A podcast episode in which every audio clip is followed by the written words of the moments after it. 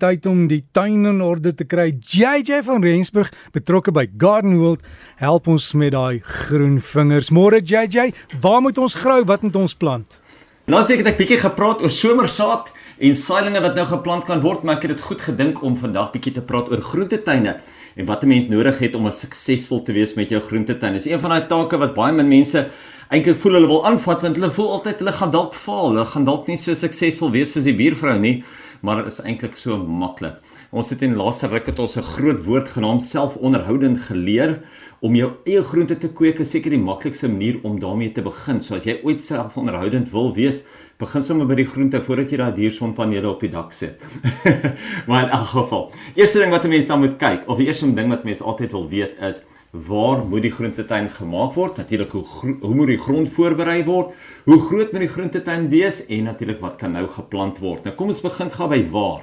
Groente soek altyd vol son, maar as jy in 'n baie warm plek bly soos in die Noord-Kaap, sê ek definitief vir 40% skadu net aanbeveel dit niks meer nie. Ek weet daar's baie mense wat sukkel met apies en voëls wat probleme gee. So as jy moet, dan kan jy 'n voël net opsit, 'n 20% of tot en met 'n 40% in baie warm areas. Maar asseblief moenie meer as 40% gaan nie, dan gaan jou groente glad nie goed doen nie. Grondvoorbereiding is eintlik baie belangrik omdat die plante baie vrugte of baie groente moet dra. Jy weet alhoewel die grond baie goed moet dreineer, kan 'n mens dit nie net in sand plant nie. 'n Mens moet genoegsame komposkraalmis en beenmeel of natuurlik fosfate inwerk. Tuinfosfate is 'n uh, baie goeie opsie vir al die mense honde het wat uh die beenmeel gaan soek of die bene gaan soek nadat jy dit ingewerk het. Ek glo altyd daaraan om so om en by 'n 20 liter emmer kompos en 'n 20 liter kraalmis gemeng met so twee koppies beenmeel per vierkante meter in te werk. So as jy 'n goeie grond het of as jy grond het wat jy wil verryk, so 20 liter emmer kompos en 20 liter emmer kraalmis gemeng met twee koppies beenmeel per vierkante meter behoort oorals genoeg te wees as 'n mens begin. En dan as 'n mens ter aanvulling kan 'n mens gewoonlik dit dan halveer as 'n mens dan nou um in die volgende seisoen nou weer wil byplant, maar dan weet jy jy het mos al jou grond goed die eerste keer voorberei, so jy wil net ter aanvulling wil jy weer 'n bietjie kompos kraam as jy weer 'n bietjie beenmeel insit, dan kan jy dit halveer. Baie belangrik om dit ten minste 30 tot 40 cm ook diep om te spit en al die organiese materie dan in te werk. Onthou, beligting is net so belangrik of eintlik meer belangrik as die kompos self wat 'n mens daar insit. Jy moet die grond lekker los kry. Ek het dit al gekry dat mense vir my kom sê, "Maar hoorie so, ek het hierdie wortels wat nou veronderstel is om mooi groot wortels te wees en dan is dit hierdie klein verkromde goedjies." En dan vra ek vir die mense, "Maar het jy lekker goed omgespit?" Dan kyk die man en die vrou sê vir mekaar en kan jy sommer sien hulle het nie eintlik nie. So maak maar seker om jy laat jy hom lekker diep los omspit.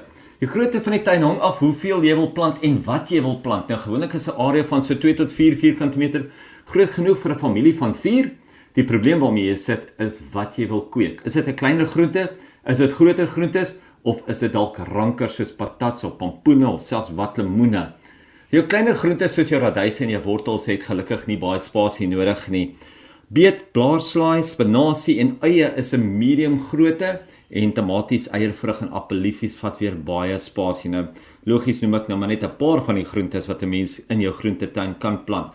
Sekere groentes um, word ook baie hoog en ander rank weer op. So as jy byvoorbeeld mielies of rangstitte vir jou komkommers of boontjies sou opsit, moet jy seker maak jy blokkeer nie al jou son uit nie. Onthou die heel eerste reël, groente het lekker baie son nodig. So plant dit altyd aan die kant wat jy die son nie gaan blokkeer of gaan uitblok van die res van die tuin af nie. Nou kom die vraag, wat moet jy plant? Nou alles wat ek sopas genoem het, is jou somersaailinge. Jy moet gaan kyk wat jy gewoonlik koop, eet of kook en jy dan moet jy dit plant. Moenie nie goed gaan plant wat jy nie regtig gebruik nie. Moet ook nie te veel probeer nie. Probeer miskien 2 of 3 variëteite. Kyk hoe ver jy daarmee kom, kyk of jy suksesvol is daarmee en dan kan 'n mens stelselmatig kan 'n mens meer en meer byplant. Meer groente, meeste groentes is ook in saailing vorm beskikbaar, maar daar is ook sade wat direk in die grond kan gesaai word.